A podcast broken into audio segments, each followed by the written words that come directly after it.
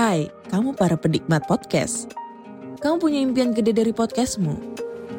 Terus First Story bisa banget bantu kamu. Mulai dari F-Link, Dynamic Audio Insertion, sampai statistik yang komprehensif. Semua ada di First Story. Gak ketinggalan kamu bisa monetisasi podcastmu lewat iklan dari First Story Ads yang bisa kasih kamu penghasilan dari setiap place podcastmu. Yuk gabung sekarang dengan klik di firststory.me. Sekali lagi, klik di firststory.me. Mari kita bawa mimpi podcastingmu menjadi kenyataan.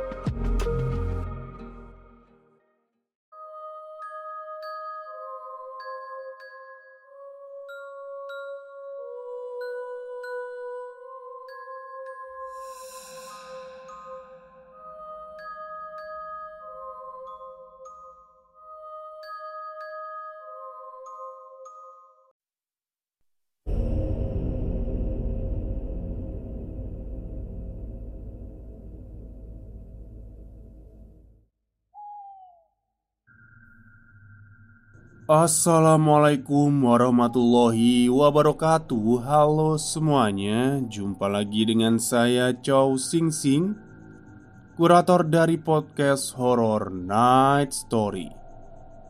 Halo apa kabar semuanya? Semoga kalian semua sehat-sehat ya. Dan seperti biasanya pada hari ini saya kembali dan akan menghadirkan sebuah kisah mistis untuk kalian semua. Kisah mistis kali ini saya datangkan dari treat horornya Mas Freddy Spare yang menceritakan tentang seseorang yang terlilit hutang. Jadi bagi kalian yang suka pinjol, cerita ini uh, cocok lah ya buat kalian yang suka pinjol. Ada solusinya nanti. Oke, daripada kita berlama-lama, mari kita simak ceritanya. Cerita kali ini saya dapatkan setelah berbincang dengan salah satu juragan bisnis kuliner. Karena penasaran, saya mencoba menanyai apa resepnya sehingga bisa sedemikian sukses seperti sekarang. Ternyata alurnya cukup panjang. Selain perjuangan yang keras, ternyata ada cara yang tidak biasa yang ia lakukan. 2014 Rumah tangga yang dibangun oleh Wardoyo dan istrinya Sasmi terasa semakin panas. Di usia pernikahan mereka yang keenam Hubungan Wardoyo dan mertuanya terus bermasalah. Puncaknya Ketika Wardoyo dan Sasmi harus rela tinggal di rumah bagian belakang. Selama ini Wardoyo memang tinggal bersama mertuanya Pekerjaannya sebagai buruh serabutan membuatnya masih belum mampu membeli apa pun. Hanya sebuah TV tabung bekas yang sekarang terpampang di dalam kamar yang bisa dibelinya. Kondisi semakin parah saat Wardoyo terkena penyakit hernia. Istrinya yang awalnya masih kuat tinggal bersama Wardoyo, lama-lama mulai menjauh. Selain tak mampu mengatasi urusan ranjang, Wardoyo juga tidak bisa bekerja lagi. Sayup-sayup, Wardoyo pernah mendengar laporan dari salah satu warga jika Sasmi pernah ketahuan jalan dengan pria lain. "Kamu keluar sama siapa, Dek? Kok saya dengar kamu keluar sama pria lain?" Kata Wardoyo tak lama setelah istrinya pulang dari tempat kerjanya Terus kenapa mas? Kamu mau apa? Wardoyo tak melanjutkan perdebatannya dengan istri Malam itu Istrinya memilih tidur di kamar orang tuanya Setelah ditegur oleh Wardoyo Esok sore Wardoyo mendatangi warung kopi di dekat sungai ada banyak orang di sana sore itu. Wardoyo mencari satu orang teman dekatnya, Gianto, sedang asyik menikmati kopi dan permainan kartu domino di atas meja. Wardoyo yang datang sambil memegangi selakangannya mencolek Gianto dari belakang. "Toh, ikut aku bentar. Aku mau ngomong." Ujar Wardoyo. Lalu mencari tempat duduk. Gianto menutup kartunya. Lalu menghampiri temannya yang sejak kecil itu. Tanpa basa-basi, Wardoyo langsung menceritakan pokok permasalahannya tentang rumah tangganya yang semakin memburuk karena kondisi kesehatannya. Lalu, istrinya yang saat ini bekerja karena Wardoyo tak bisa mencari uang. Lah, terus aku bisa bantu apa, Kang? Aku juga susah hidupku. Gianto menjawab sekenanya. Ya apa aja toh, yang penting aku bisa dapat uang banyak. Gianto lalu menatap ke atas. Dia lalu membisiki telinga Wardoyo. Ada orang pintar. Rumahnya di dekat Raung. Kalau mau, nanti habis Isya kita main ke sana. Wardoyo setuju. Beban hidupnya yang cukup berat membuatnya rela mencari solusi apa pun. Selepas Isya, Wardoyo langsung berangkat ke rumah Gianto. Sengaja dia tidak berpamitan kepada penghuni rumah karena yakin tak ada yang menunggunya. Sesampainya di rumah Gianto, Wardoyo langsung mengetuk jendela kamar, memberi sinyal pada Gianto jika dirinya sudah datang. Gianto yang mengetahui kedatangan Wardoyo lalu meminjam motor milik keponakannya. Rumah Ki Karmono berada jauh di dusun, terakhir kaki Gunung Raung. Motor GL tua yang ditumpangi oleh Gianto dan Wardoyo terseok-seok di jalan berlumpur ketika melewati hutan karet. Ini masih jauh, toh. Kata Wardoyo membisiki telinga Gianto. Bentar lagi mas. Setelah tanjakan ada pohon benda kembar. Itu udah deket. Saud Gianto. Bunyi burung cekakak Menyambut kedatangan Wardoyo dan Gianto Ketika mendekati pohon benda kembar Mata Wardoyo menatap ke kanan dan ke kiri tapi pandangannya tak menangkap sekelebat apa pun. Padahal dia merasakan seolah ada banyak orang yang sedang berdiri di sekitar pepohonan. Nah, sudah sampai. Tunggu di sini dulu. Aku tak masuk dulu. Nanti tak panggil. Gianto memarkir motornya di sebuah pagar kayu yang terbuat dari dahan kelor. Wardoyo menurut saja dan menunggu di atas motor. Gianto lalu berlari ke arah sebuah rumah yang ada di tengah sebuah pemukiman kecil. Ada lima rumah yang berdiri dengan posisi melingkar. Satu rumah berdiri di tengah dengan ukuran paling besar dari rumah lainnya. "Mau ke mana, Pak?" Wardoyo tiba-tiba dikejutkan dengan kehadiran seorang anak kecil yang bertanya kepadanya.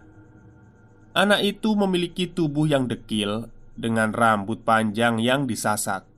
"Eh, mau ke rumahnya Ki Karmono, Nak?" Wardoyo menjawab dengan terbata. Anak itu mengangguk, lalu berlari ke arah pinggiran kebun yang nampak gelap. "Eh, kamu itu tak panggil dari tadi kok diem aja yo?" Wardoyo kembali dikagetkan dengan Gianto Yang tiba-tiba sudah berdiri di hadapannya. Cancuk Tadi anak kecil, sekarang kamu yang ngagetin aku. Wardoyo menyaut sambil mengikuti langkah Gianto. Seperti sudah terbiasa Gianto langsung masuk ke dalam rumah yang berada di tengah pemukiman itu. Di ruang tengah Ada seorang pria berusia sekitar 50 tahunan Duduk di kursi penjalin dengan hiasan udeng di kepalanya. Pria itu tersenyum Lalu mempersilahkan Wardoyo dan Gianto duduk di depannya. Wardoyo melirik sekeliling ruangan. Rumah itu mirip dengan bangunan pedesaan era 70-an Ada satu set kursi penjalin di ruang tengah dengan sebuah dipan kayu di sebelahnya. Yang nampak mencolok adalah beberapa keris yang dipajang di atas semua pintu rumah. "Duduk, Nak." Ki Karmono kembali meminta Wardoyo untuk duduk. Tak lama, istri Ki Karmono keluar, membawa dua gelas kopi dan secangkir teh panas. Wardoyo lalu menceritakan permasalahan hidupnya kepada Ki Karmono. Semua hal yang selama ini mengganggunya diceritakan secara detail. Ki Karmono mengangguk, kemudian beranjak masuk ke dalam kamar. Setengah jam berlalu, Ki Karmono keluar kamar sambil menggenggam sebuah keris. Benda itu ditaruhnya di atas meja. Begitu menyentuh meja, keris dengan luk lima itu langsung berdiri dengan posisi ujung di bawah. Saiki awakmu jaluk opo? Wardoyo sempat menoleh ke arah Gianto Sebelum kemudian menunduk ke antara sela kakinya Saya pingin kaya mbah Pingin punya banyak uang supaya nggak diremehkan. Wardoyo berkata liri. Permintaan itu langsung disanggupi oleh Ki Karmono. Dia paham jika Wardoyo tak mungkin mampu melakukan pesugihan dengan tumbal. Melihat kondisi Wardoyo sendiri nampak kesulitan. Aku ada cara mencari uang, bukan pesugihan. Tapi kamu harus cari uang sendiri Jawab Ki Karmono Wardoyo nampak sumringah mendengar solusi yang diberikan oleh Ki Karmono. Sebuah cara mencari uang tanpa lelaku pesugihan. Nje, nje Ki. Saya mau. Wardoyo mengangguk setuju. Ki Karmono memberikan Wardoyo cara mencari uang dengan berdagang sate gagak. Sebelum memulai ritual, Wardoyo diminta puasa mote selama delapan hari. Selama itu, Wardoyo diminta untuk menahan diri agar tidak marah dan tidak bergaul dengan istrinya. Ki Karmono juga memberi sebuah syarat untuk jenis gagak yang bisa dijual benar-benar gagak yang warnanya hitam legam. Tidak ada boleh warna lain di tubuhnya. Waktu pelaksanaan ritual juga harus mengikuti weton kelahiran Wardoyo. Usai mendengar syarat-syarat itu, Wardoyo kemudian pamit untuk pulang. Sebelum keluar dari pintu, keris milik Ki Karmono mendadak terjatuh, menandakan kesepakatan telah terjadi. Wardoyo dan Kianto pun kembali ke desanya. Singkat cerita, Wardoyo mempersiapkan dan berusaha waktu ritualnya dengan sebaik mungkin. Selasa Pon, sesuai wetonnya, akan datang dua purnama lagi. Wardoyo mengajak Gianto berkeliling ke pasar hewan setiap hari untuk mencari burung gagak cemani. Pasar-pasar hewan di daerah Bondowoso, Situ Bondo, Banyuwangi, hampir tiap minggu mereka sambangi tapi hasilnya nihil. Burung-burung gagak yang mereka temui tidak ada yang sesuai dengan syarat yang diajukan oleh Ki Karmono. Wardoyo yang tidak punya penghasilan mau tidak mau membebankan semuanya kepada temannya, Gianto. Mulai dari ongkos bensin berkeliling pasar sampai makan. Sabar sih Yoto, nanti kalau udah hasil kamu tak kasih kok Gianto hanya bisa menarik nafasnya Sampai hari ke-40 pencarian Upaya Wardoyo dan Gianto masih nihil Keduanya lalu beristirahat di dekat salah satu pasar burung Gimana yo? Kalau begini caranya bisa gagal Ini sudah habis uangku Wardoyo yang mendengar keluhan Gianto hanya bisa menggaruk kepalanya. Dilepasnya kopiah hitam miliknya lalu dikipaskan ke lehernya. Yopo yo, aku yo bingung. Tak pikir gampang cari gagak itu. Gianto dan Wardoyo terus berdebat siang itu. Mereka hanya punya waktu seminggu lagi jika ingin mengejar ritual dalam waktu paling dekat. Di tengah obrolan keduanya, ternyata ada seorang pedagang buah yang diam-diam mencuri dengar. "Cari burung, Pak."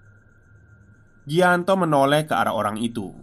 Tubuhnya gemuk dengan kaos tanpa lengan bergambar partai. "Iya, Mas. Uh, saya cari burung gagak hitam ada toh? Tanya Gianto Waduh, kalau di sini sulit pak Coba besok saya carikan di Bali uh, Saya minta nomor HP-nya saja Gianto kemudian memberikan nomor HP-nya kepada pedagang buah bernama Busairi itu setelah itu Gianto dan Wardoyo masih berkeliling lagi hingga maghrib sebelum akhirnya mereka pulang ke rumah Esok harinya, Gianto mendapat telepon dari Bu Sairi. Gagak hitam sesuai ciri-ciri yang disebutkan oleh Gianto ada di salah satu pasar burung di daerah Denpasar.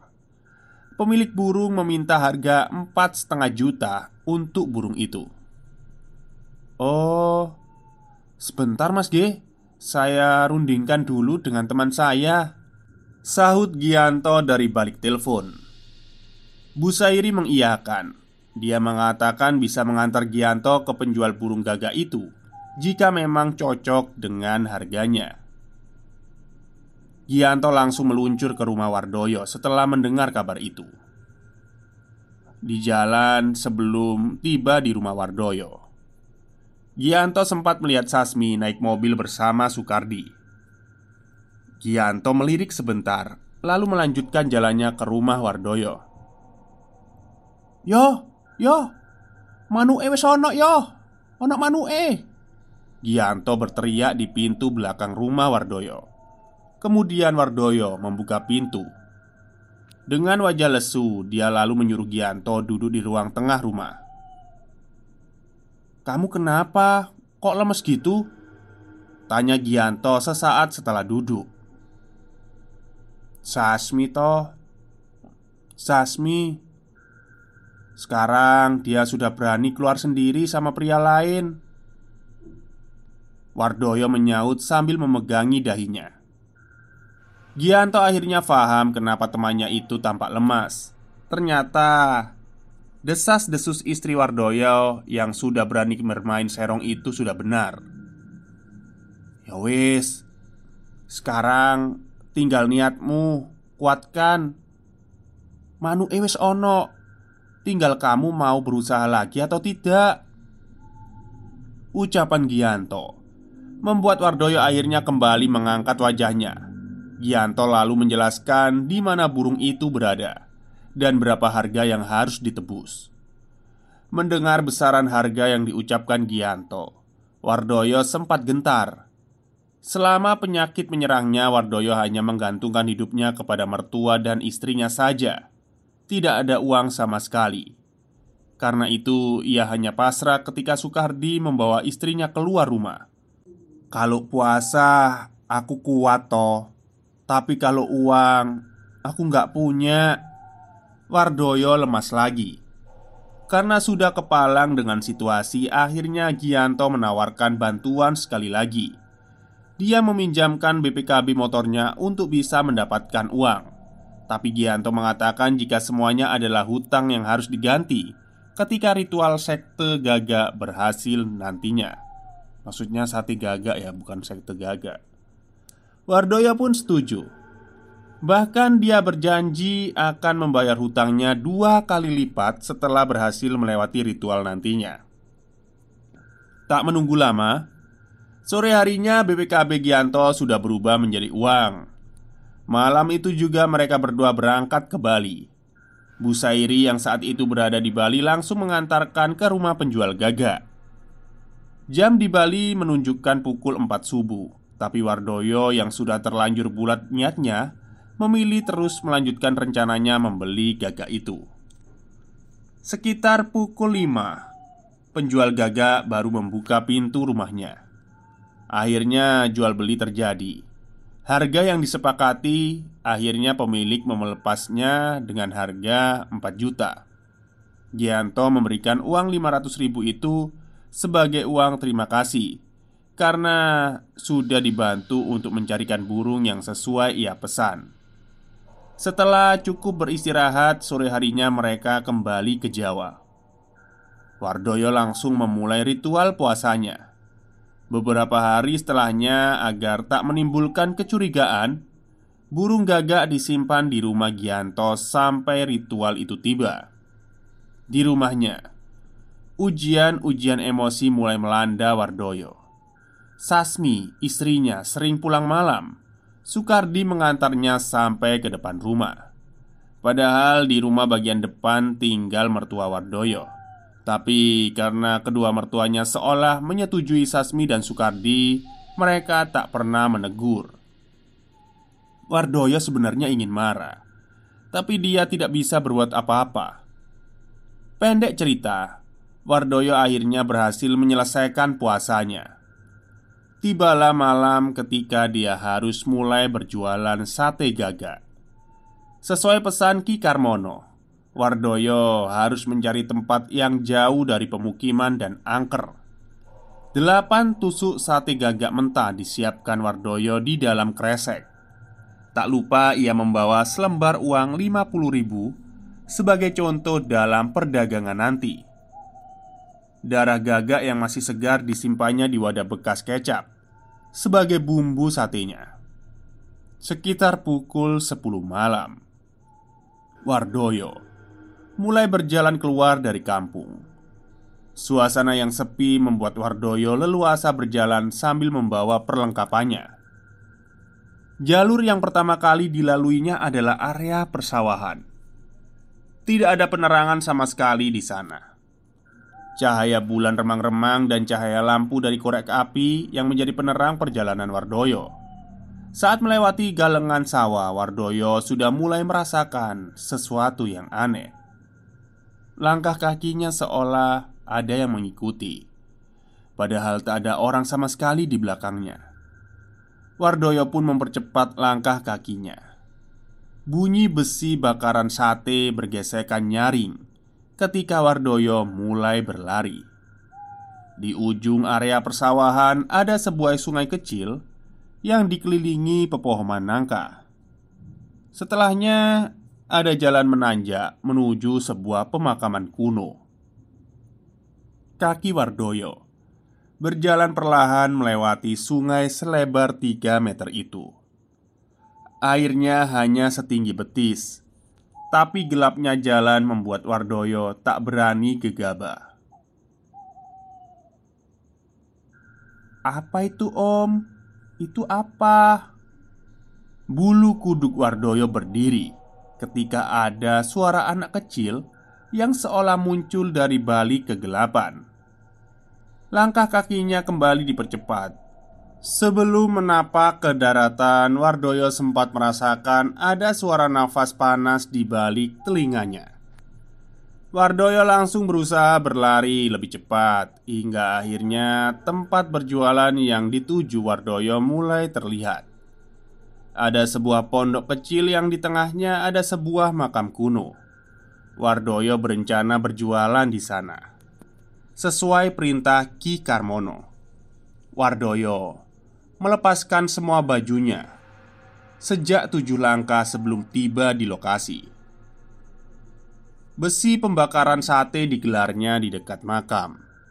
Ditatanya arang ke dalam besi itu Lalu mulai dibakarnya sate gagak yang ia bawa Sambil membakar sate Wardoyo menuangkan tetesan darah gagak di atas sate Seolah menjadi bumbu sate yang dijualnya Asap dari arang mulai membumbung tinggi di sekitar makam kuno itu. Sate Sate. Monggo sing badhe tumbas sate. Monggo yang mau beli Kata Wardoyo sambil gemetaran. Sebenarnya Ketika sate pertama dibakar Wardoyo sudah melihat ada sesosok makhluk yang berdiri melihatnya Karena posisinya jauh, Wardoyo tak bisa melihatnya dengan jelas. Perlahan sosok itu mulai mendekat ke arahnya. Bau harum tercium di antara kuatnya bau asap. Tangan Wardoyo kembali gemetar. Jelas, belum pernah seumur hidupnya dia berurusan dengan bangsa lelembut. Sosok itu semakin mendekat. Kira-kira Jaraknya 15 meter dari Wardoyo. Mendadak suasana menjadi sunyi. Tak ada suara kodok atau jangkrik yang tadi sempat terdengar samar-samar. Semuanya sepi. Lalu perlahan suasana di dekat makam kuno menjadi terang. Tanah yang diinjak Wardoyo menjadi sebuah tekel dengan warna tulang Tiba-tiba di depannya sudah berdiri sosok perempuan berambut panjang tapi di sini pencerita tidak mau menjelaskan secara detail wujudnya, jadi saya skip sajalah. Wanita itu menggunakan baju dengan warna keemasan dan tidak ada sepatah kata pun yang keluar dari mulut wanita itu. Wardoyo sempat termenung menatap wanita itu. Begitu tersadar, Wardoyo langsung menawarkan sate gagak yang dijualnya. Dia juga menunjukkan harga tusuk sate itu dengan selembar uang 50 ribuan uh, uh, uh, harganya ini, tapi banyaknya harus seperti ini. Wardoyo menunjukkan sebuah kardus kosong bekas sepatu. Wanita itu pun mengangguk. Tak butuh waktu lama. Kardus sepatu yang dibawa Wardoyo penuh sesak dengan uang 50 ribuan. Mata Wardoyo mendelik melihat tumpukan uang itu. Tangan Wardoyo meraba selembar uang yang ada di dalam kardus itu. Semuanya asli. Wanita yang ada di hadapan Wardoyo kembali tersenyum. Sate-sate yang masih tersisa di atas besi bakaran tiba-tiba menghilang. Ada tangan-tangan berjari panjang yang muncul dari bawah dan mengambil sate-sate itu, lalu menariknya ke bawah. Wardoyo mundur ketakutan melihat tangan yang muncul tiba-tiba itu. Setelah sate habis, tiba-tiba suara khas perbukitan kembali muncul. Suara kodok terdengar, dibarengi dengan gesekan dedaunan yang terdorong angin. Suasana kembali gelap seperti sedia kala. Wardoyo sempat melihat langkah perempuan pembeli gagak tadi yang berjalan menuju batu besar di atas bukit. Kakinya terlihat tidak menapak tanah. Wanita itu lalu menghilang bebarengan dengan kabut tepat sebelum adzan subuh berkumandang. Wardoyo pun kini sudah tiba di rumahnya dengan memeluk ribuan lembar uang 50 ribuan. Hari itu juga Wardoyo melunasi utang-utangnya kepada Gianto. Wardoyo masih menjalankan ritual itu beberapa kali setelahnya. Mungkin hal itu juga yang membuatnya menjadi cukup kaya seperti saat ini. Wallahu alam.